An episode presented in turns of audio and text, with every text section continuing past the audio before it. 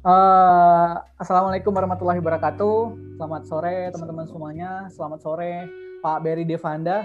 Manggilnya abang aja ya bang ya, jangan bapak biar akrab ya. Siap, siap. Abang.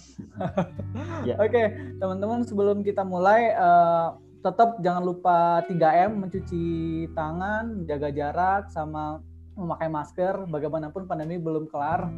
Uh, semoga keadaan ini cepat berlalu. Nah, hari ini kita akan diskusi dengan Bang Berry Devanda.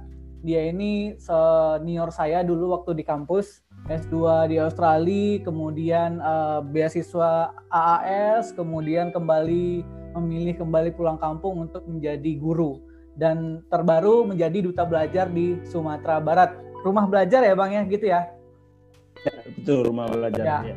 Nah, jadi hari ini kita akan diskusi tentang uh, bagaimana menjadi guru di abad 21. Nah, hari ini kan Bang uh, abad 21 kan udah jadi obrolan yang di mana-mana, nggak hanya di dunia pendidikan, di dunia pekerjaan, industri, dan lain-lain. Kalau bicara abad 21 berarti tentang informasi yang terus mengalir dari bangun pagi sampai tidur lagi, tentang uh, artificial intelligence, tentang teknologi yang semakin maju, terus tentang globalisasi yang nggak terbendung karena saingan kita bukan sesama di Indonesia aja sekarang tapi sudah dari mana pun. Nah oleh karena itu yang paling penting adalah uh, bagaimana menyiapkan anak-anak kita di sekolah untuk bisa menghadapi tantangan-tantangan seperti ini.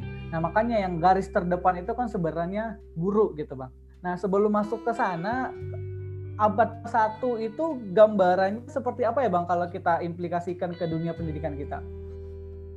Ya, makasih Pak Jeri, makasih teman baca Evato sudah mengajak berdiskusi di sini.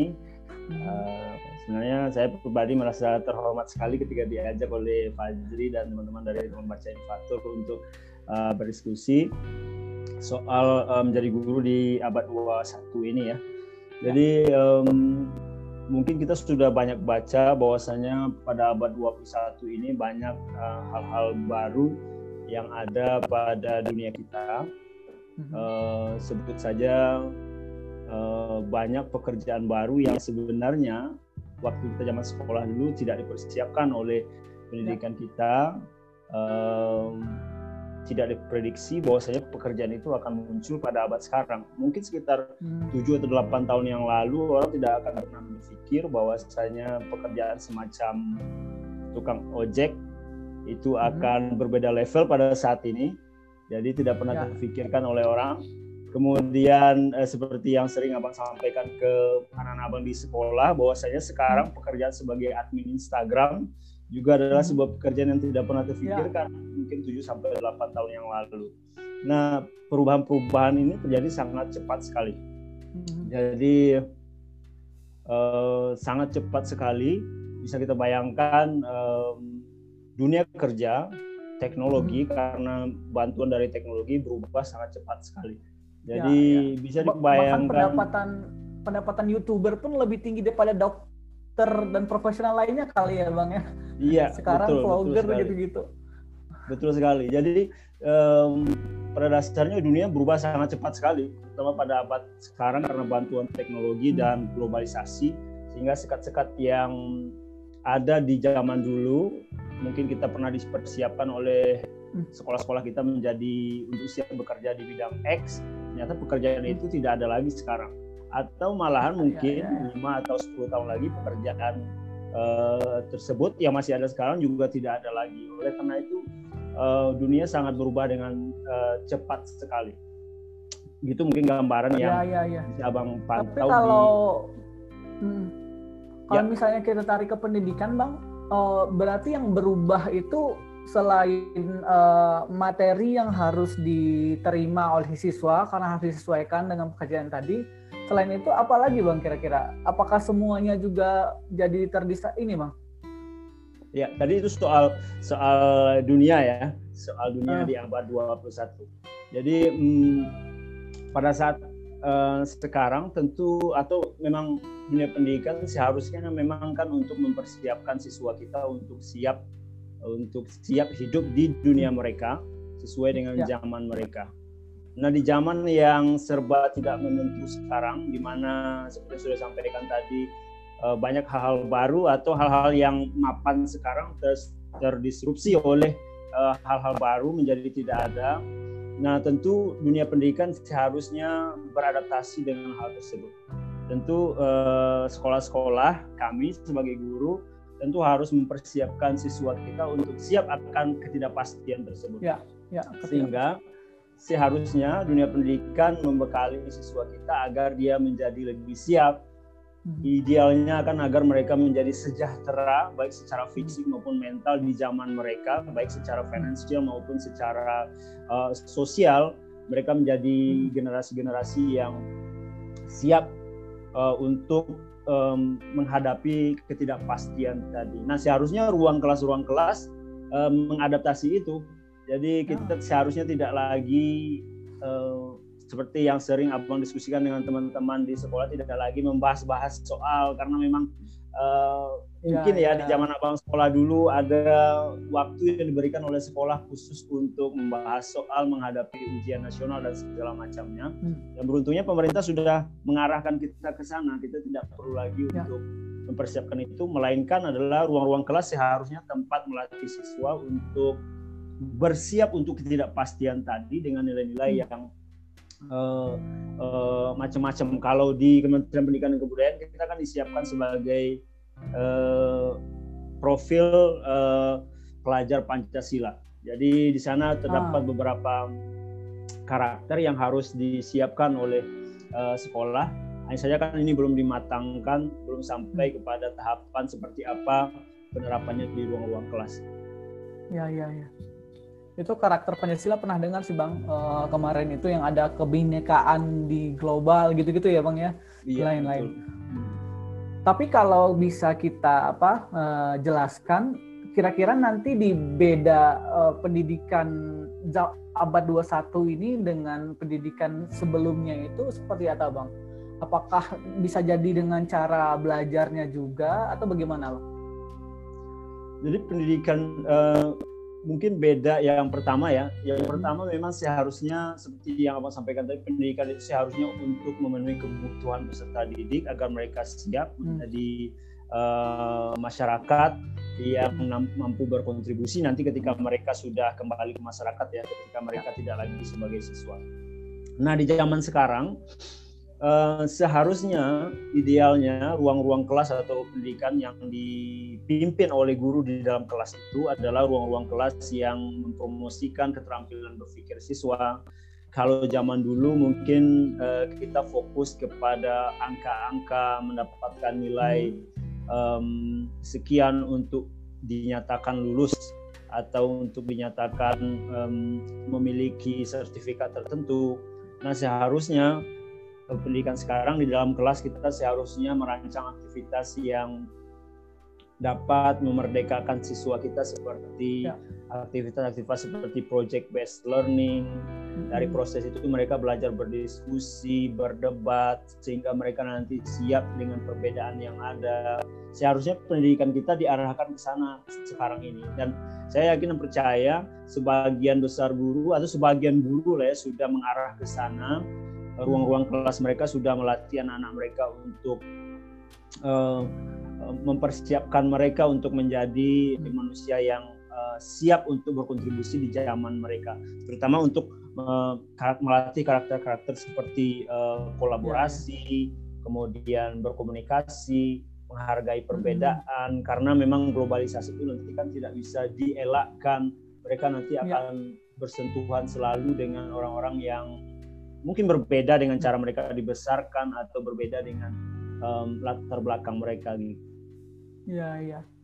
Berarti yang dituntut sebenarnya nggak nggak hanya murid untuk berubah, berarti poin pentingnya adalah apakah guru juga apakah sudah siap dengan perubahan ini sehingga kalau guru sudah siap harusnya itu bisa disampaikan ke anak-anak. Yang aneh adalah kan anak-anak dipaksa untuk uh, beradaptasi sedangkan uh, guru-gurunya beberapa mungkin ada juga yang tertinggal gitu.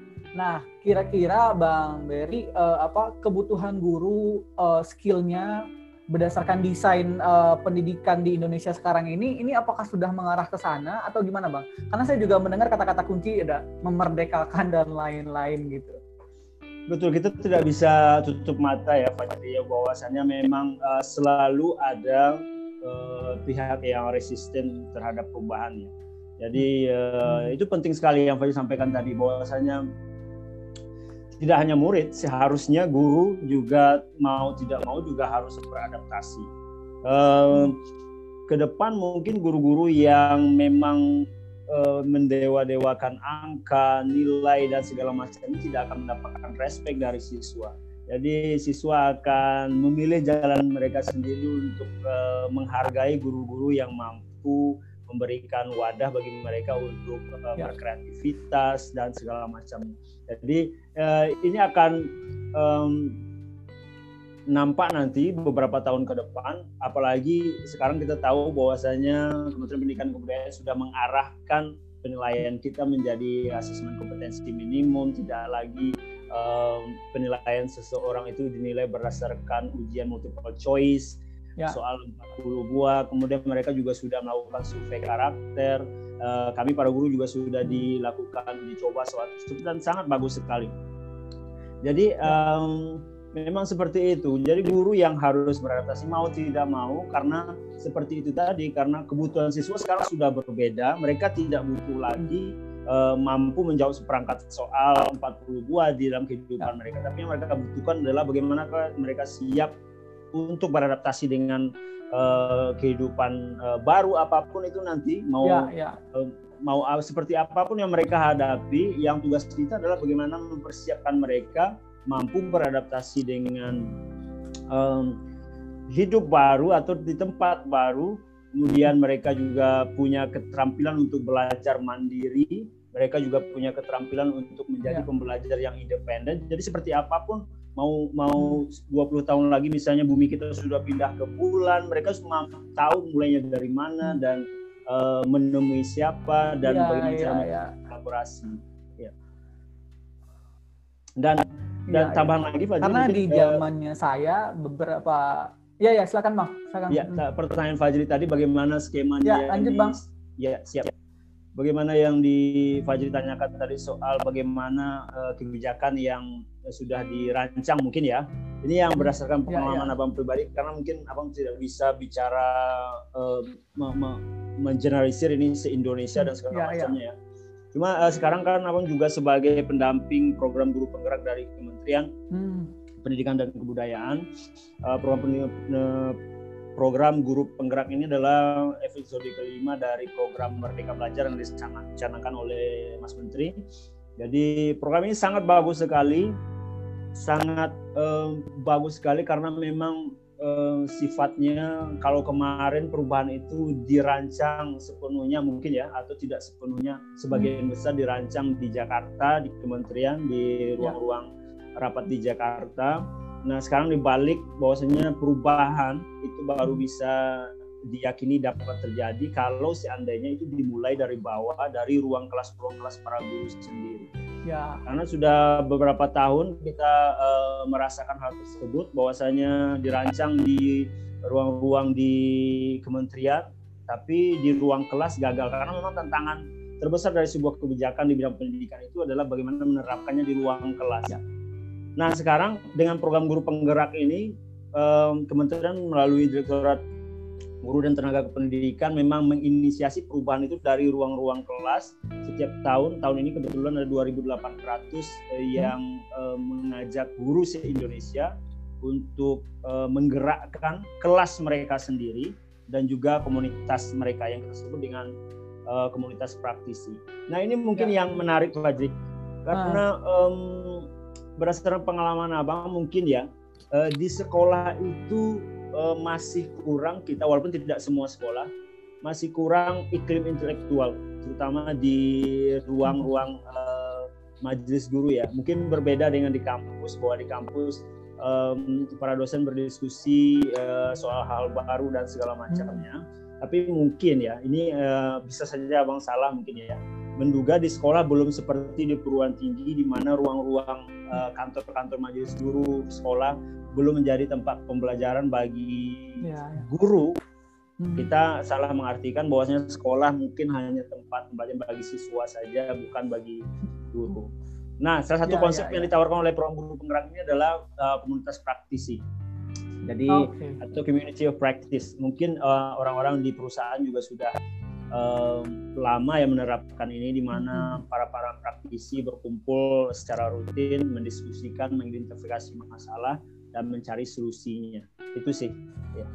Ini memang uh, ya, ya, ya. belum di semua Karena... Indonesia mungkin ya Ya, ya, ya. Karena pengalaman saya juga, Bang. Dari pernah ngajar di SD, di SMP, dan di SMA juga gitu. Nggak bisa ya. dinafikan juga kan dulu itu beberapa guru, beberapa tempat kita kan emang kayak diciptakan sebagai uh, perpustakaan uh, berjalan yang ingat semuanya gitu. Sementara kita nggak paham gitu. Di satu sisi kita juga nggak bisa uh, arahin beban ini ke guru semua karena kita tahu administrasinya banyak banget, tuntutannya juga banyak gitu. Jadi jadi antara menyeimbangkan tujuan yang ingin dicapai oleh uh, pemerintah misalnya dengan kondisi di lapangan itu jauh sangat berbeda gitu. Makanya ini sangat senang banget sih kalau misalnya pendekatannya itu nggak dari atas ke bawah lagi, cuman emang pendekatannya ini harus partisipasi dari apa dari guru-guru ke bawah mereka itu semacam design thinking gitu kali ya bang ya. Di bawah saya nggak tahu seperti apa. Kemudian mereka rumuskan.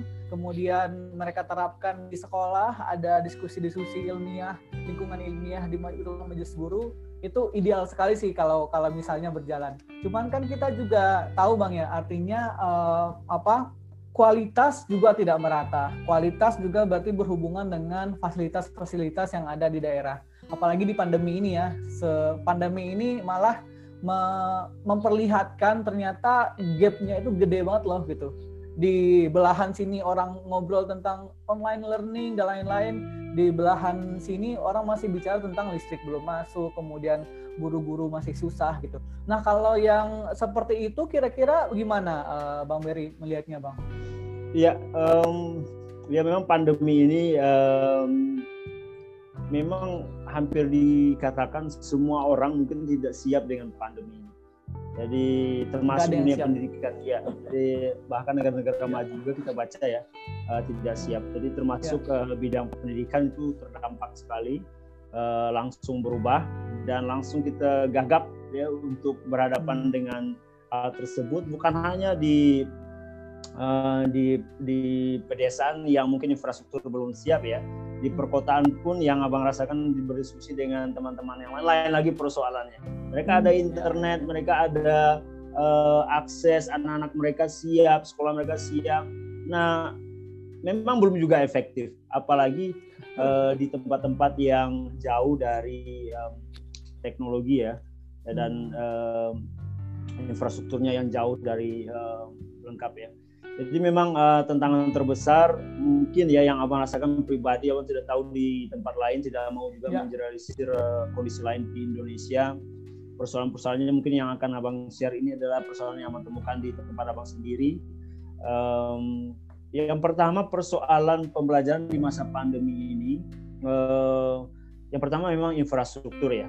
Jadi um, yang diharapkan untuk uh, seluruh siswa misalnya merata uh, pengalaman yang mereka dapatkan dari segi infrastruktur itu memang tidak kita temukan terutama di sekolah-sekolah pinggiran ya kalau hmm. soal infrastruktur. Kemudian yang berbeda yang lain adalah um, apa yang kita sampaikan artinya tingkat efektivitas dari pembelajaran online itu masih sangat jauh dari apa yang kita harapkan. Abang baca juga beberapa riset yang dilakukan di beberapa belahan dunia memang salah satu persoalan dari online learning ini adalah student engagement. Jadi ya. bagaimana siswa terikat dengan apa yang sedang kita pelajari seperti di dalam ruang kelas itu hmm. memang susah sekali. Jadi memang sudah banyak literatur dibaca uh, harus refleksi, tidak boleh lecturing mengajar seperti biasa, hmm. kemudian uh, apa kelas kita dibagi menjadi kecil-kecil uh, hmm. seperti mungkin Fajri bisa per pernah ikut online uh, courses atau online khusus online ya. mereka bagi kecil-kecil cuma memang uh, tetap tidak bisa menggantikan pembelajaran tatap muka hmm. cuma satu hal yang positif sekarang adalah yang bisa kita temui ya uh, ketika pandemi dan ketika online learning ini adalah yang pertama kita jadi tahu semakin tahu uh, mana daerah yang memang betul-betul perhatian khusus dari pemerintah ya, hmm. seperti ya. Uh, infrastrukturnya sekarang jadi terbuka. Um, uh, seperti yang Pak Jiri bilang tadi jurangnya semakin besar, uh, semakin nampak di sana. Artinya ini semakin uh, gamblang lah nampak oleh para pengambil kebijakan bahwa ini perlu langkah khusus untuk daerah-daerah tertentu. Kemudian memang uh, persoalan kesiapan ya, kesiapan ini tidak hanya di dunia pendidikan yang abang sampaikan, juga di seluruh aspek mungkin ya. Yang jelas abang dan beberapa teman di sekolah memang uh, agak terkejut dan kaget ketika awal uh, atau pertengahan 2020 ketika harus mempersiapkan pembelajaran secara online. Uh, memang banyak sekali hal-hal yang uh, perlu disesuaikan dan itu memang tidak gampang. Uh, harus abang akui banyak sekali kelemahan abang sebagai guru dan mungkin teman-teman lain dalam mempersiapkan adalah melayani siswa ya untuk mendapatkan pengetahuan yang memang mereka harapkan. Itu sangat uh, ya. perlu sekali uh, mendapat perhatian ya. Terutama dari diri abang sendiri sebagai guru untuk dapat um, lebih uh, baik lagi terutama dalam mempersiapkan pembelajaran secara online ini ya ya, ya. Iya sih bang, uh, apa kita pun di Taman Baca Inovator semua kaget banget bang. Ya, Wah kita yang biasanya ya, emang engagementnya langsung ke daerah-daerah, apalagi daerah-daerah yang sifatnya rural, yang terdepan, terjauh seperti itu, yang susah dengan fasilitas. Jadi kita ngapain ya gitu. Akhirnya kita sama tim sadar bahwa kita nggak mungkin lagi berharap sepenuhnya seperti uh, wah kita harap ini selesai gitu. Anak-anak apa pun kondisinya harus tetap belajar, anak-anak apa pun kondisinya harus uh, tetap membaca gitu. Kemarin sempat lihat uh, live-nya Mas Menteri, resiko terbesarnya adalah kita bisa kehilangan satu generasi karena itu kan sebenarnya serem ya kehilangan satu generasi uh, di pendidikannya gitu dan walaupun akan kembali lagi seperti semula akan ada juga permasalahan baru permasalahan baru makanya kita coba uh, bikin kegiatan-kegiatan di taman baca nah yang menarik bang kita itu sekarang di Taman Baca lagi ngembangin namanya uh, program 4C. Jadi 4C ini adalah uh, skill 21st century skill yang kita kasih ke anak-anak. Jadi di situ ada critical thinking, creative thinking, collaboration sama communication gitu. Jadi kita coba apa uh, bikin uh, semacam jurnal, semacam studi kasus, semacam prakarya, kemudian kita integrasikan, kita kasih ke anak-anak yang mereka kerjakan di rumah atau baca kita pun teman baca inovator juga terus berinovasi.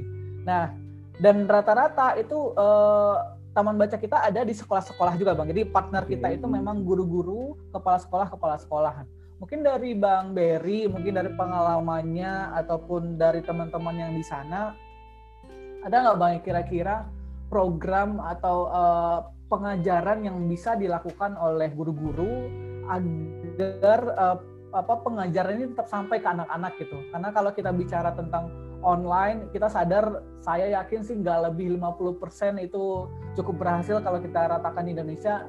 Ada abang kira-kira apa program-program yang bisa dipakai nanti nih sama guru-guru gitu atau uh, motivasi atau hal-hal positif yang bisa dipakai gitu, Bang Beri. Sekarang Beri. Ya, makasih ya.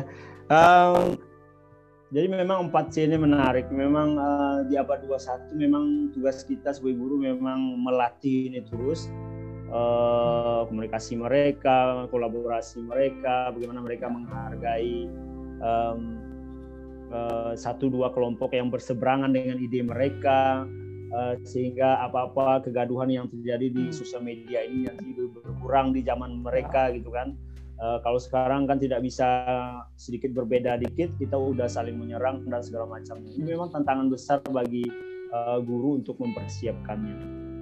Nah, pertanyaannya kemudian apa saja sih yang bisa kita lakukan di ruang kelas agar bisa uh, melatih siswa kita untuk uh, memiliki um, 4C tadi seperti yang ya. dilakukan oleh teman baca inovator hmm. ya, itu bagus sekali. Jadi um, sebenarnya banyak yang bisa kita lakukan, apalagi sekarang uh, Kementerian Pendidikan dan Kebudayaan sudah memberikan ruang yang luas sebenarnya Fajri untuk para guru um, untuk beraktivitas sesuai dengan kebutuhan mereka dan kebutuhan siswa sebenarnya. Uh, terutama dengan penyederhanaan kurikulum, pemberlakuan kurikulum kondisi khusus, kita sudah diberikan kemerdekaan untuk uh, memilih apa saja kompetisi dasar yang esensial yang diajarkan kepada siswa. Ya. Sehingga sebenarnya kita punya uh, banyak ruang waktu sebenarnya untuk melatih siswa kita. Sebenarnya yang paling uh, uh, sebenarnya yang bisa kita pakai adalah uh, yang banyak ditawarkan oleh literatur adalah yang pertama adalah project based learning. Jadi um, pembelajaran berbasis proyek itu adalah diyakini bisa melatih skill yang 4C tadi asalkan dijalankan sesuai dengan uh, sintak atau aturan-aturan yang memang uh, uh, para ahli sepakat uh, terhadap sebuah proyek based learning. Jadi misalnya proyek based learning itu bedanya dengan produk based learning. Yang pertama kalau produk based learning itu kan kita fokus pada produknya saja. Kita tidak uh, melihat prosesnya. Jadi kalau misalnya produknya bagus, berarti nilai anak kita bagus, nanti siswa kita bagus. Kita tidak begitu uh, habiskan energi di proses bagaimana mereka melahirkan produk itu. Sedangkan project based learning adalah uh, sebuah pendekatan yang kita sangat memberikan perhatian terhadap prosesnya kita mulai dengan pertanyaan, kita bikinkan guidance-nya, kemudian uh, mereka uh, memilih teman dalam berdiskusi, dalam berkelompok, mereka merancang langkah-langkah yang akan mereka lakukan untuk mencapai agar proyek itu berhasil. Kemudian di tengah jalan kita review, kita tanyakan kepada anak kita agar uh, itu uh, apakah perjalanannya bagus, mulus, apa kendala yang mereka temui, sampai di akhir nanti mereka mempresentasikan uh, proyek yang mereka sedang lakukan. Proyeknya bisa macam-macam, bisa bikin vlog, bisa macam-macam. Jadi tergantung kebutuhan uh, mereka. Ya, atau bikin poster atau apa pun yang uh, sesuai dengan kompetensi dasar yang mungkin Bapak Ibu ajarkan di kelas. Hmm. Jadi uh, sebenarnya seperti itu. Proyek based learning ini uh, sudah di abang cobakan juga di kelas memang terbukti ampuh bagi siswa, terutama siswa berasumsi ya kalau kita tanyakan hmm. uh, kita se uh, seberangkat kuesioner kepada anak kita mereka uh, sebagian besarnya cenderung puas dengan apa yang sudah kita lakukan dan uh, aktivitas mereka seperti berdiskusi, berkolaborasi, mengkomunikasikan hasilnya, kemudian membuat langkah-langkah yang uh, melatih critical thinking mereka itu tercapai. Cuma ada yang menarik Fajri persoalannya ini. Bayangkan kalau kelas 10 sekarang itu belajar 15 mata pelajaran SMA ya. Kalau kelas wow. 11 dan 12 14 mata pelajaran. Bayangkan kalau seluruh guru 14 15 mata pelajaran itu memberikan project based learning. Ah, jadi ada 15 project satu semester yang harus dikerjakan oleh siswa. Nah, ini menarik juga ini. Project based learning ini bagus, penting. Mata pelajaran kita yeah. banyak dan kalau ke-15-nya guru yang ngasih project, ini kan susah dan repot juga nanti. Apalagi projectnya macam-macam dan agak sophisticated kan kalau uh, macam-macam disuruh bikin apa dan ya, segala ya, macam. Ya. Nah ini menarik. Jadi uh, project based learning ini bagus dan kita harus bijak juga memilih project yang uh, betul-betul uh, uh, doable atau bisa dilakukan oleh siswa kita sehingga jangan sampai berubah nanti project based learning berubah menjadi hmm, mimpi buruk ya. bagi siswa kita. Nah ini yang menarik. Project based learning ini ya. sedapat mungkin uh, usulannya mungkin ya Fajri ya, ini bisa lintas mata pelajaran. Jadi misalnya ya. untuk mata pelajaran IPA tiga atau empat mata pelajaran ya, terintegrasi. merancang iya betul integrasi satu proyek misalnya kan dan uh, anak-anak uh, bisa lintas guru dan segala macam. Ya. Hmm. Menarik banget sih bang. Kita itu sekarang udah saya itu udah tiga kali rombak gitu.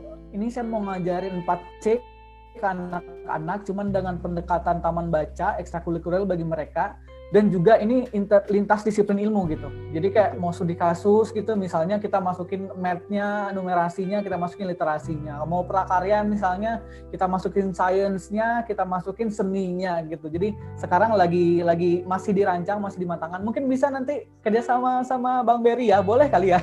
Siap, siap, siap. Konsultasi gitu tentang uh, eh, 4C ini karena ini kayak menarik yang akan ini sih bener masa depan anak-anak kita nggak tahu kayak apa. Nanti ada mobil terbangkah atau ada apakah tantangan mereka di mereka. Yang penting yang harus kita siapkan ke mereka adalah gimana berkolaborasi bagaimana berpikir kritis bagaimana terus bertanya berpikir kreatif dan lain-lain.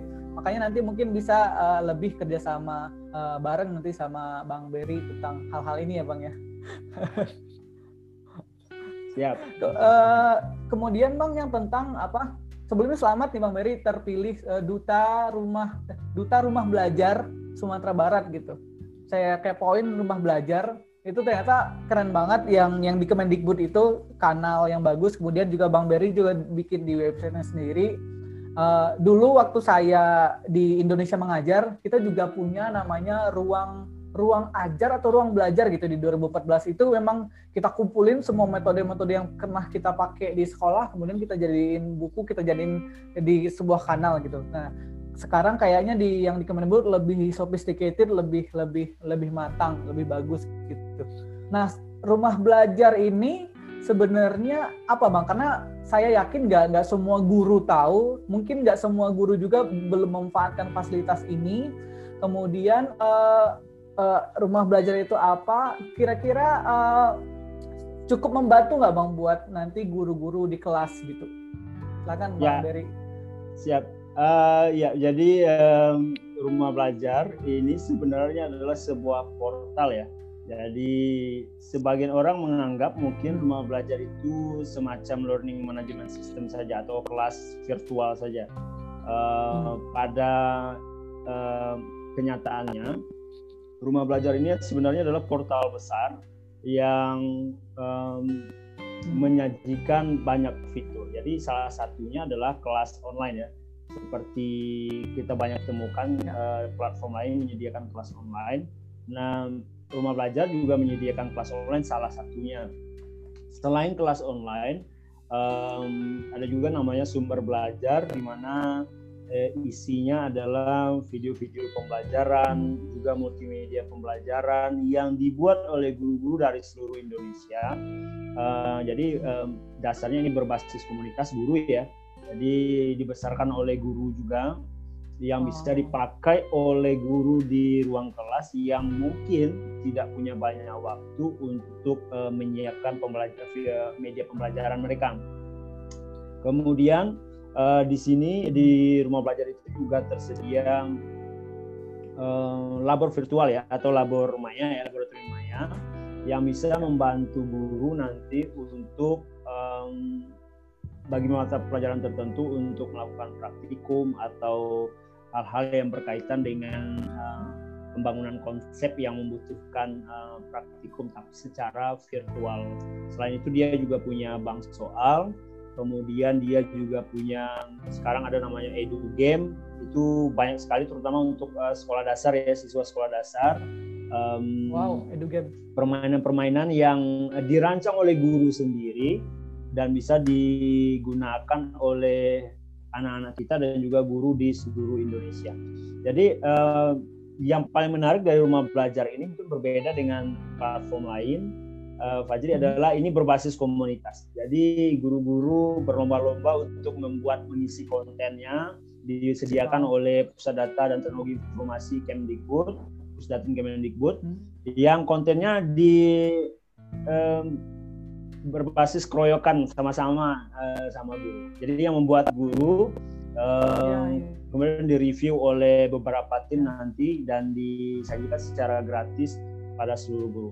Jadi memang uh, mungkin ya belum semua guru tahu atau mengenal uh, rumah belajar. Oleh karena itu salah satunya yang disiapkan oleh Kementerian Pendidikan dan Kebudayaan dalam hal ini adalah Pusdatin uh, mempersiapkan dutanya untuk mempromosikan konten-konten yang ada di uh, portal tersebut rumah belajar. Nah, kebetulan abang yang salah satunya untuk eh, provinsi Sumatera Barat dipilih 40 orang dari 60 ribuan orang se Indonesia eh, menjadi 40 orang untuk membantu eh, rumah belajar Pusdatin Kementerian Pendidikan dan Kebudayaan ini untuk semakin dikenal oleh para guru khususnya di Sumatera Barat kemudian juga secara aktif mengisi konten-kontennya itu agar guru-guru dalam ruang kelas punya pilihan lah gitu.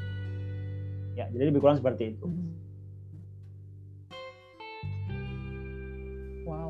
Harusnya itu sudah sangat membantu guru di kelas ya. Karena kan rata-rata yang kita uh, hadapi uh, masalah di kelas adalah monoton kemudian uh, tidak banyak metode yang menarik untuk siswa gitu.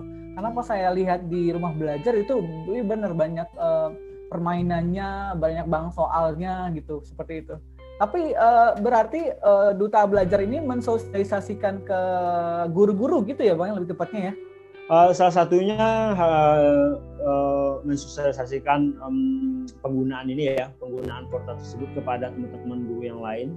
Jadi uh, tugas duta rumah belajar itu ada empat.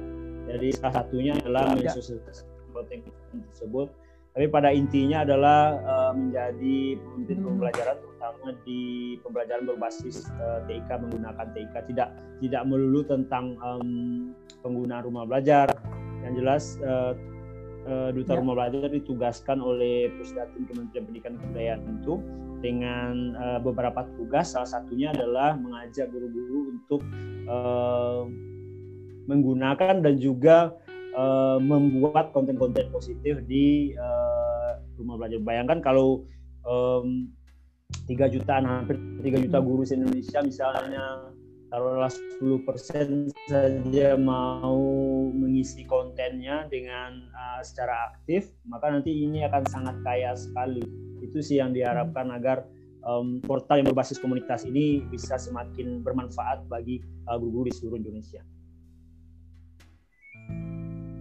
Ya ya. Oke.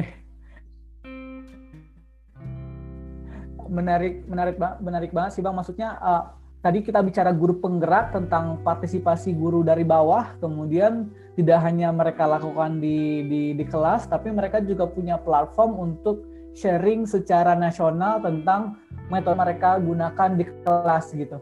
Nanti mungkin ya kalau saya lihat uh, live-nya Mas Menteri lima tahun lagi, 10 tahun sepuluh tahun lagi atau lima tahun lagi semakin banyak guru penggerak itu uh, bisa dijadikan salah satu uh, indikator keberhasilan dari Merdeka Belajar ini gitu. Karena kita bayangkan kalau banyak guru penggeraknya, kemudian mereka juga aktif untuk bikin diskusi ilmiah, mereka juga aktif untuk mengisi portal rumah belajar ini ini akan sangat keren keren banget sih ini gitu.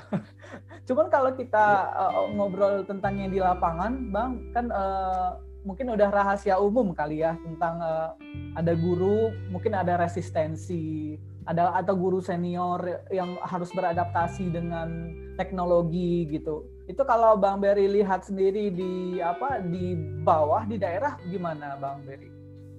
Ya betul ya. ya persoalan resistensi itu seperti yang abang bilang di awal tadi memang itu pasti ada dan itu di, tidak hanya di dunia pendidikan uh, di perusahaan-perusahaan itu juga pasti ada uh, persoalan tersebut. Mungkin Fajri juga sudah merasakan juga karena pernah mengajar uh, itu adalah fenomena yang pasti kita temui di mungkin semua aspek ya, tidak hanya di dunia pendidikan. Jadi um, soal resistensi um, bagaimana sebenarnya di lapangan itu sebenarnya tidak um, sepenuhnya benar ya bahwasanya memang ada satu dua orang ya. guru yang resisten terhadap uh, belajar terhadap hal baru tidak hanya guru senior yang muda pun ada ada juga yang uh, resisten atau oh. tidak mau belajar hal baru, tidak mau mencoba hal baru, tidak mau beradaptasi dengan kebutuhan siswa yang sekarang sudah berubah itu pasti ada. Dan tidak hanya guru senior guru muda pun juga ada yang seperti itu. Dan apa juga menemui malah guru senior yang bersemangat ya untuk um, untuk uh, belajar hal-hal baru terutama menggunakan ya, teknologi ya, ya. seperti di sekolah abang sendiri ya.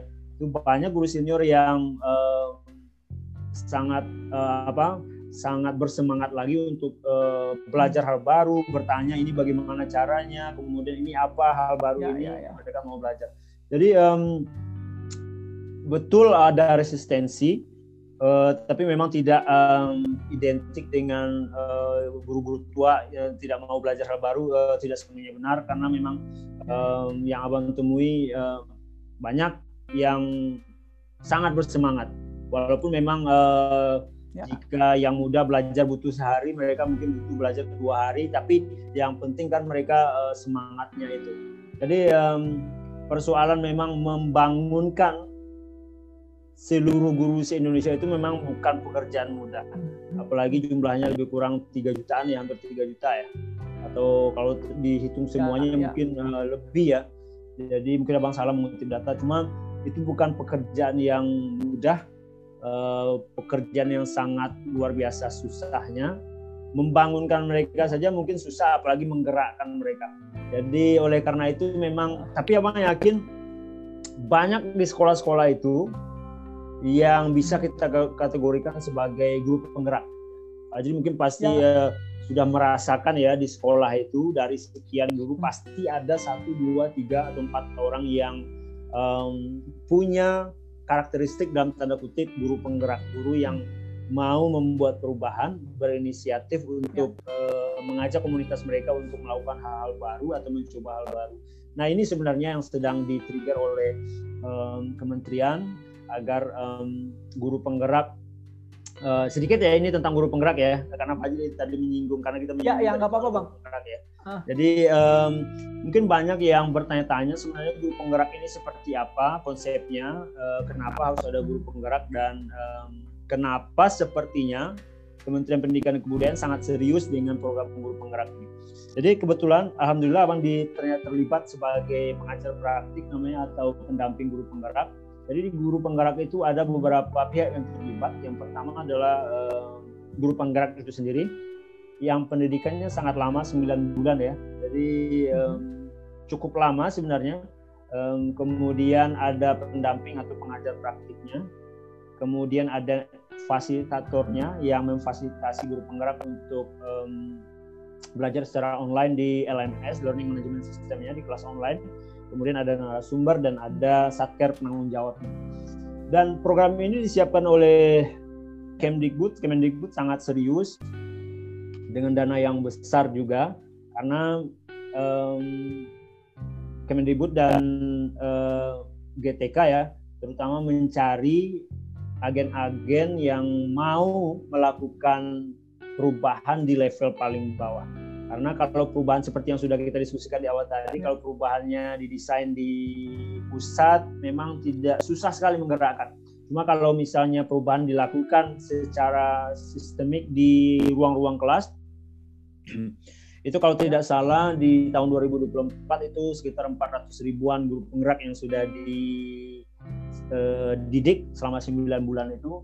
Jadi kalau mereka mau berinisiatif untuk membantu sekolah untuk melakukan hal baru, membantu kepala sekolah untuk mencapai visi dan misinya, ini kan kalau mereka mampu saja menggerakkan 2, 3, 4 guru di komunitas mereka yang 400 ribuan orang tadi, maka akan signifikan sekali perubahan yang dirasakan di eh, sekolah-sekolah kita. Jadi seperti itu. Oleh karena itu, Uh, makanya Abang pribadi sangat bersemangat sekali untuk aktif di dalam program ini ya, ya untuk ya, ya. Uh, mengambil peran karena program pendidikan guru ini menarik karena berbeda dengan program-program kementerian yang lainnya. Karena uh, kalau program-program sebelumnya mungkin fokus kepada konten knowledge ya atau keterampilan mereka keterampilan guru dalam mengajar mata pelajaran tertentu. uh, jaringannya? Ya kalau sekarang program guru penggerak ini fokus pada kemampuan komunikasi mereka, bagaimana mereka menggerakkan komunitas mereka. Jadi kita tidak bicara konten di guru penggerak ini. Jadi kita lebih hmm. bicara kepada bagaimana seorang guru punya inisiatif mengambil peran sekecil apa pun itu baik di ruang kelas mereka maupun di sekolah mereka, di komunitas mereka. Jadi seperti itu.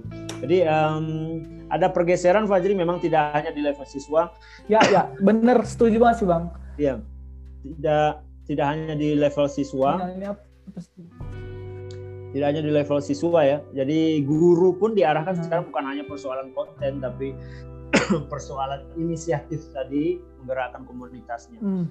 Jadi uh, alhamdulillah um, pemerintah kita dalam hal ini Kementerian Pendidikan dan Kebudayaan um, menginisiasi sebuah uh, perubahan ya walaupun memang uh, perubahan itu tidak akan langsung dirasakan uh, hmm. dalam waktu yang instan memang butuh waktu tapi pergeseran dari menilai sekedar angka-angka dan baik dari baik dari level siswa maupun dari guru itu adalah sebuah kemajuan yang patut diapresiasi. Ya, setuju Bang. Karena kan kalau kita bicara kembali ke abad 21 tentang konten, jangan-jangan ya jangan-jangan ini anak SMA kita ini lebih jago nyari materi daripada kita mungkin karena Betul, mereka guru ya. terakses ke Iya. internet ke- karena Betul. mereka terakses dengan dunia luar yang begitu cepat gitu. Iya, kalau kita kan dulu buku teks kalau sebelum ada internet buku teks guru biasanya akan lebih pintar secara konten eh, secara materi gitu. Lebih banyak tahu gitu. Nah, makanya karena karena dunia berubah, jangan-jangan siswa kita lebih banyak tahu tentang materi, tentang konten karena mereka akses. Makanya eh, keren banget sih kalau misalnya guru penggerak ini eh, nggak nggak fokus hanya fokus di konten tapi lebih ke partisipasinya mereka ke inisiatif ke mereka artinya ke kesadaran mereka mendidik itu ya sebenarnya yang diperlukan gitu. Sebenarnya kalau mendidik kan juga eh, bagaimana menyampaikannya, bagaimana metodenya itu mungkin oke. Ya, kayaknya sinyalnya sinyal internet eh, kayaknya sinyal internetnya dia dibangun.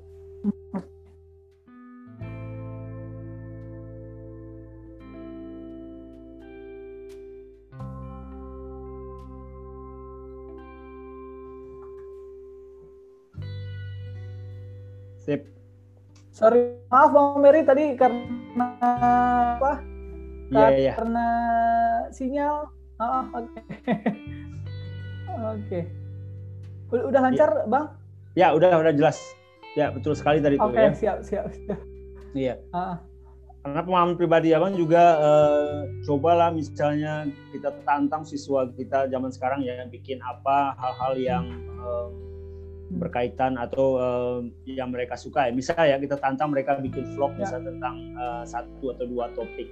Itu luar biasa. Mereka riset, mereka lakukan riset mereka sendiri, mereka berdiskusi, kemudian Ya. mereka hmm. eh, apa em, berdiskusi berdebat mereka minta waktu kita lebih untuk mendiskusikan satu dua hal Eh, dan mereka em, mampu untuk melakukan itu kalau misalnya kita eh, guru mampu Ya. menyediakan instruksi yang jelas panduan misalnya panduan em, penugasan yang jelas maka mereka eh, dengan sangat baik ya rata-rata sebagian besar mereka dapat mengumpulkan informasi dengan baik ini khusus untuk SMA ya eh, yang berdasarkan pengalaman pribadi ya bang Eh, mereka dapat dengan baik eh, membangun itu kita guru hanya Ya. em, eh, memberikan masukan soal urutannya mana yang duluan Eh, bagusnya Hmm. kamu kerjain ini dulu baru setelah itu ini nah seperti itu aja kerja kita sebagai guru kalau misalnya kita berikan eh, panduan Ya, fasilitator. yang jelas, ya kita cuma bantu arahkan mereka saja. Harapannya nanti mereka Hmm. tahapan-tahapan yang mereka lalui itu menjadi bekal mereka nanti untuk bekerja di mana pun dengan siapa pun atau aktivitas mereka seperti apa pun tidak hanya bekerja kita nggak tahu mereka jadi apa nanti tapi yang jelas tahapan-tahapan yang mereka lalui ketika mengumpulkan informasi, mengolahnya, menyampaikannya kepada rekan eh, sejawatnya, itu yang menjadi bekal mereka nanti. Jadi bukan lagi eh, kegiatan seperti membahas soal saja misalnya atau em, seperti yang Ya. disampaikan oleh Mas Menteri dengan beberapa soal pilihan ganda, kemudian kita eh, menjudge siswa kita baik, pintar dan segala macam. Oke oke keren. Iya akan ada apa distorsi yang akan ini sih di dunia pendidikan ya. Makanya eh, kita semua harus siap gak hanya siswa, gak hanya guru, mungkin yang lain juga gitu. Oh, oke, Bang Berry Ya, atau sinyal internetnya bermasalah lagi? Oh, Oke, Bang, kalau kita ngobrol eh, apa, kalau guru kan kita sudah pasti itu akan menjadi garda terdepan untuk eh, menyiapkan anak-anak kita menghadapi tantangan mereka di zaman depan di, di abad 21 gitu. Eh, sekarang pemahamannya adalah pendidikan nggak hanya tanggung jawab orang-orang yang ada di sekolah, nggak hanya juga tanggung jawab orang tua, nggak hanya tanggung jawab pihak-pihak pemerintah. Artinya sekarang ini zamannya adalah zaman kolaborasi antara guru, pihak guru, pihak sekolah, pihak pemerintah juga harus berkolaborasi. Nah, kalau kita ngobrolin Bang tentang tentang apa posisi Taman Baca Inovator sebagai organisasi sosial di dunia pendidikan gitu. Kita juga mencoba untuk membantu pendidikan Indonesia dari sisi lain gitu, dari apa? dari luar gitu. Nah, kira-kira uh, menurut Bang Berry uh, harusnya kita sebagai uh, organisasi sosial ini posisinya bagaimana, Bang? Dan bagaimana kita juga bisa membantu uh, pendidikan di Indonesia ini agar sinergi gitu antara kita yang organisasi di luar dengan satuan pendidikan gitu. Ya, um, inisiasi Taman Baca Inovator itu patut diapresiasi ya. Jadi um, untuk membuat atau menggerakkan uh, pendidikan di Indonesia itu memang membutuhkan uh, apa energi yang sangat besar. Jadi ya. uh, tidak hanya oleh kami para guru yang ada di sekolah, tapi juga oleh pihak-pihak lain yang punya inisiatif positif terhadap dunia pendidikan ya termasuk Taman Baca Inovator. Hmm. Jadi um, Taman Baca Inovator pasti punya core sendiri, uh, target sendiri. Apa yakin itu karena sudah berjalan cukup lama ya. Jadi uh, pasti punya target sendiri. Yang jelas um, program yang dibuat itu seharusnya um, selaras dengan tujuan pendidikan nasional kita.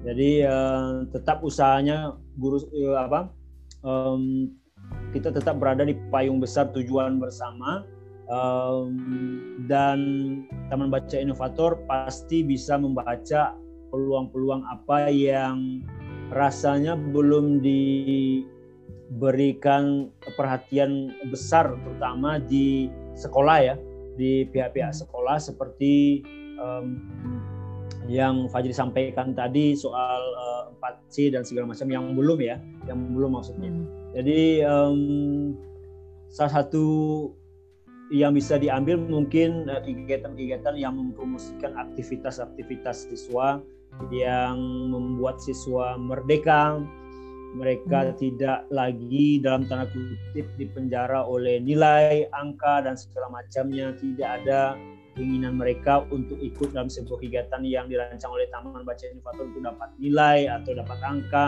Mereka hmm. memang uh, secara sadar pengen belajar hal baru, secara sadar memang ikut terlibat di sana. Kemudian uh, perkuat um, apa-apa yang sudah dijalankan oleh pemerintah, terutama dalam hal ini Kementerian Pendidikan dan Kebudayaan, yang pasti uh, jika hanya diserahkan ke sekolah mungkin belum maksimal.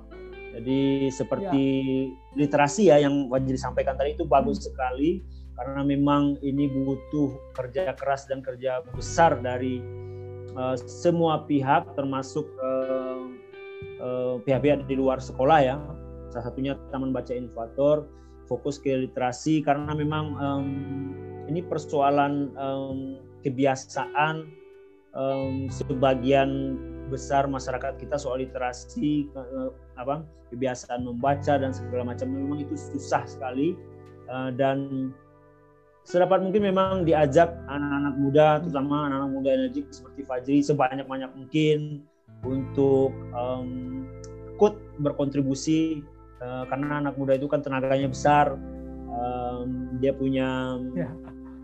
dekat dengan anak-anak karena memang uh, usia yang tidak jauh berbeda, mungkin akan lebih paham dengan kebutuhan mereka jadi um, itu sih yang jelas uh, tetap selaras dengan uh, Kementerian Pendidikan dan Kebudayaan karena tidak mungkin program-program dari Kementerian Kebudayaan itu akan uh, langsung sukses atau apa berjaya di sekolah saja. Pasti butuh bantuan dari pihak-pihak luar dan uh, abang yakin Taman Baca Inovator sudah memikirkan itu dan terlihat ini dari aktivitas di sosial media fokus di sana ya tetap konsisten di sana uh, untuk teman-teman teman baca inovator. Oke, Bang Eri, terima kasih banyak ini diskusi udah banyak. Cuman Bang sebelum ditutup, karena ternyata kita udah satu jam Bang. Kayaknya kalau di Instagram sudah udah selesai cuma bisa satu jam kan. Cuman nggak apa-apa okay. lanjutin karena uh, apa di YouTube masih jalan. Uh, Ini jadi pertanyaan saya sih dan teman-teman juga gitu tentang konsep uh, merdeka belajar gitu kan merdeka gitu. Karena ada beberapa pendapat dari teman-teman juga ada yang sini merdeka emang bisa ya uh, apa uh, pendidikan Indonesia dibebasin begitu aja gitu. Be mungkin belum paham atau bagaimana gitu. Karena kita bicara Indonesia apa kalau saya ngobrol sama Pak Doni kemarin ya kita nggak nggak bisa uh, banding bandingin kita sama Finlandia sama Singapura atau dan lain-lain. Karena kita empat juta guru kalau kita kita gabungkan dengan guru di Kemenak kemudian juga ada ribu pulau dengan akses yang tidak cukup merata jadi kita nggak bisa seperti itu gitu. Nah merdeka ini merdeka belajar itu sebenarnya konsepnya itu kayak apa bang? Kalau apa diceritakan gitu disederhanain sederhana konsep merdeka belajar gitu bang Berry ya jadi ya benar itu ya dari teman-teman di sekolah pun uh, rekan-rekan kerja abang pun banyak kan yang uh, skeptis dengan konsep merdeka apa itu merdeka belajar apakah betul-betul siswa hmm. um, diharuskan merdeka terus mereka nanti gimana di ruang kelas hmm. uh, merdekanya ya, artinya ya, ya. bebas bebas-bebasnya atau gimana jadi sebenarnya konsep ini berasal dari Ki Hajar Dewantara ya jadi um, siswa atau anak-anak itu dipercaya semenjak mereka lahir, mereka sudah punya segala macam karakter atau nilai-nilai di dalam diri mereka. Mereka hmm. sudah dibekali oleh Tuhan, mereka sudah merdeka, sudah punya konsep-konsep itu semuanya. Ada mereka punya kema, uh, apa, uh, kemauan keras, mereka punya saling menghargai, mereka punya um, apa ketekunan, mereka punya itu sebenarnya tapi belum kuat. Jadi Ki Hajar Dewantara itu uh, mengkuat bahwasanya anak-anak setiap anak-anak yang lahir itu seperti kertas yang sudah ada isinya, tapi masih samar mhm. isinya. Jadi di sana sudah ada hal baik, sudah ada hal buruk, sudah hmm. ada ketekunan, sudah ada kerja keras, tapi masih samar. Artinya mereka memang merdeka, mereka sudah dilengkapi dengan set-set seperti itu. Nah, kita cara pandangnya sebagai guru seperti itu. Mereka ini sebenarnya sudah komplit, ya, ya, ya. sudah dari lahirnya seperti itu. Cuma persoalannya kan hmm. belum tebal, belum kuat. Tugas kita ya, sebagai ya. guru adalah kita menebalkan karakter-karakter baik dari seperti ketekunan, kerja keras dan segala macam dan membiarkan karakter hmm. jahatnya itu yang juga sudah ada dari lahir dari dari setiap kita manusia untuk tetap samar seperti itu Nah, tugas kita itu seperti ya, itu. Ya. Para guru adalah menguatkan karakter-karakter baik tadi. Artinya mereka ya. sudah merdeka dari lahir. Jadi mereka itu sudah uh, menjadi manusia merdeka dari lahir. Oleh karena itu, kita sebagai guru adalah memperlakukan mereka sebagai manusia merdeka kita taruh rasa hormat ke ya. siswa kita apa pun yang kita lakukan sebagai guru mulai dari tahap perencanaan, pelaksanaan, evaluasi pembelajaran semuanya untuk memenuhi kebutuhan mereka sebagai manusia merdeka. Jadi seperti itu. Jadi yang ya. dimaksud merdeka tidak lagi pembelajaran di kelas itu adalah karena kemauan guru saja. Guru maunya mengajar dengan metode ini karena pengennya seperti itu tidak hmm. seperti itu. Artinya kita um, posisikan siswa kita sebagai manusia merdeka, mereka adalah tuan kita dalam tanda kutip sebagai guru. Kita menyesuaikan apa pun kebutuhan mereka dengan cara mengajar kita, dengan gaya mengajar kita dan segala macam. Itu salah satu konsep dari ya, ya. Uh, merdeka belajar. Jadi bukan memerdekakan siswa. Ya, ya. ya, jadi memandang siswa itu dengan rasa hormat. Persis sih. Ya. Uh saya baca bukunya Mas Bukik Setiawan. Mungkin kalau Mas Bang Beri tahu, Mas Bukik Setiawan uh, uh, Merdeka Belajar juga dari dulu yang ini kan bukunya judulnya Anak Bukan Kertas Kosong. Jadi kan guru itu bukan apa bukan semena-mena mengisi kertas kosong itu berdasarkan guru gitu. Betul. Guru itu siswa itu udah punya sesuatu, kita menguatkan, kita memfasilitasi gitu. Jadi benar sih konsep guru sebagai apa sebagai fasilitator sebagai pendamping loh. Bukan sebagai uh, apa yang punya otoritas untuk uh, mengisi semuanya gitu. Berarti merdeka belajar itu lebih ke metode pengajaran kali ya bang Beri kalau saya sangat sederhanakan. Ya, jadi iya. bagaimana ya membebaskan siswa untuk sesuai belajar dengan sesuai gaya belajarnya gitu apakah kalau kita ke metode ada visual dan lain kemudian sesuai dengan minatnya gitu uh, dan tidak lagi dikekang oleh angka-angka yang ada di rapor judgement-judgement yang kalau angkanya matematikanya rendah berarti dia bodoh gitu. Siapa tahu jangan-jangan di di apa di disiplin lain dia lebih bagus. Jadi merdeka dengan dari kekangan-kekangan yang seperti itu. Gitu ya kira-kira Bang Berry ya? Iya betul betul sekali itu kalau yang disampaikan di tulisan Ki Hajar Dewantara beberapa puluh tahun yang lalu itu sebelum kita merdeka kan itu yang ya. yang disampaikan Ki Hajar Dewantara jangan Indonesia sampai merdeka. kita menumbuhkan jagung dengan cara menumbuhkan padi jadi ya nggak nggak tumbuh-tumbuh jagungnya atau malah jagungnya makin mati nanti kan. Kita iya. pakai cara menumbuhkan padi terhadap jagung. Nah kita ajarkan terus hal-hal yang sebenarnya tidak sesuai, kita paksakan terus kepada siswa kita. Ternyata mereka bukan itu kebutuhannya. Makanya ya. uh, di kelas mungkin um, konkretnya ya guru harus beragam metodenya. Jangan satu aja, dua saja karena mungkin ya. satu metode hanya untuk sekelompok siswa. Kemudian kita hmm tawarkan hal-hal lain sehingga mereka um, mendapatkan manfaat juga. Ya. Saya baru bukan baru saja sih, saya makin sadar Bang bahwa Ki Hajar Dewantara ini udah mikirin dari lama tentang hal ini. Dulu waktu ya. apa kuliah S2 ternyata taksonomi belum itu sudah dijelaskan sebelumnya sama sama Ki Hajar Dewantara dengan lemari-lemari dengan kotak-kotak uh, analoginya dia gitu.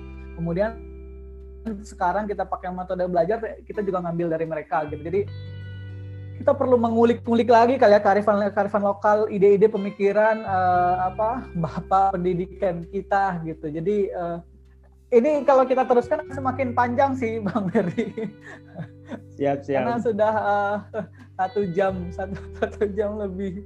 Bang Berry mungkin uh, terakhir bang Berry tentang uh, kalau ada misalnya apa pesan lah pesan atau motivasi atau apa pun untuk guru-guru kita yang di daerah, saya yakin mengajar di pandemi itu bukan semakin mudah seperti dibayangkan orang lain tinggal di rumah, malah uh, semakin stres kalau saya yang saya dapat mereka memastikan semuanya gitu, bingung dengan semuanya.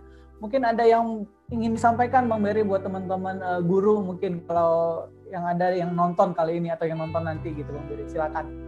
Iya, sebenarnya ini pesan terhadap di abang juga sebenarnya ya, karena sebagai guru juga, hmm. karena um, mengajar juga baru 11-12 tahun, uh, banyak guru di sana yang mengajar sudah 20 tahun, 30 tahun, mereka pasti um, hmm. lebih apa, lebih um, masuk ke dalam profesi ini ya. Yang jelas ya. um, ada keikhlasan yang harus betul-betul kita uh, apa yang terus abang pelajari ya ikhlas sebagai guru bahwasanya negara atau pemerintah atau um, masyarakat menumpangkan masa depan anak-anak mereka ke kita sebagai guru. Jadi ada tugas besar sebenarnya bahwasanya apa yang terjadi 10, 20, 30 tahun lagi pada anak-anak SD sekarang, anak SMA sekarang itu besar kontribusi kita. Jadi artinya eh, ke mana negara ini dibawa kalau kita bicara besarnya ya, itu kita berkontribusi ya. besar ke sana mencetak anak-anak apakah 10, 20, 30 tahun lagi uh, bangsa kita menjadi bangsa yang saling menghargai di sosial media atau menjadi bangsa yang semakin uh, malah semakin buruk ya, semakin uh, ejek mengejek atau bagaimana. Jadi besar sekali uh, tanggung jawab sebenarnya yang abang rasakan sebagai guru dan ya, ya jadi memang um, alhamdulillah ya uh, saya abang yakin pasti di luar sana banyak sekali guru-guru yang ikhlas dan memang menyadari um, apa kontribusinya besar sebetulnya. Kalau kita paham bahwasanya kontribusi kita sangat besar terhadap peradaban Indonesia ke depannya, pastilah nanti uh, pekerjaan ini menjadi lebih um, kita menjadi lebih lebih bersemangat dan lebih siap, lebih mampu beradaptasi. Ya. Jadi ya, makasih banyak. Oke. Bang Mary, uh, terima kasih. Mungkin Bang Mary uh, secara formal kita tutup dulu ya. Mungkin di sini kalau Bang Beri punya waktu bisa kita ngobrol lagi gitu. Siap, Jadi teman-teman yang menyaksikan di YouTube ataupun di Instagram atau yang menyaksikan nanti uh, setelah live ini selesai, terima kasih dan tetap semangat buat guru uh, kita harus fokus kepada kita kerjakan jangan selalu fokus kepada apa yang tidak kita punya jadi kerjain aja apa yang bisa kita kerjain dengan sepenuh hati dan tetap sehat selalu. Dan buat teman-teman pandemi belum selesai. Ini saya nggak bosan-bosan ngingetin tetap uh, pakai masker mencuci tangan kemudian menjaga jarak gitu. Kalau nggak bisa cuci tangan pakai sabun pakai sanitizer juga bisa. Oke teman-teman terima kasih semuanya. Uh, Bang Berry juga terima kasih. Bang Berry untuk waktunya.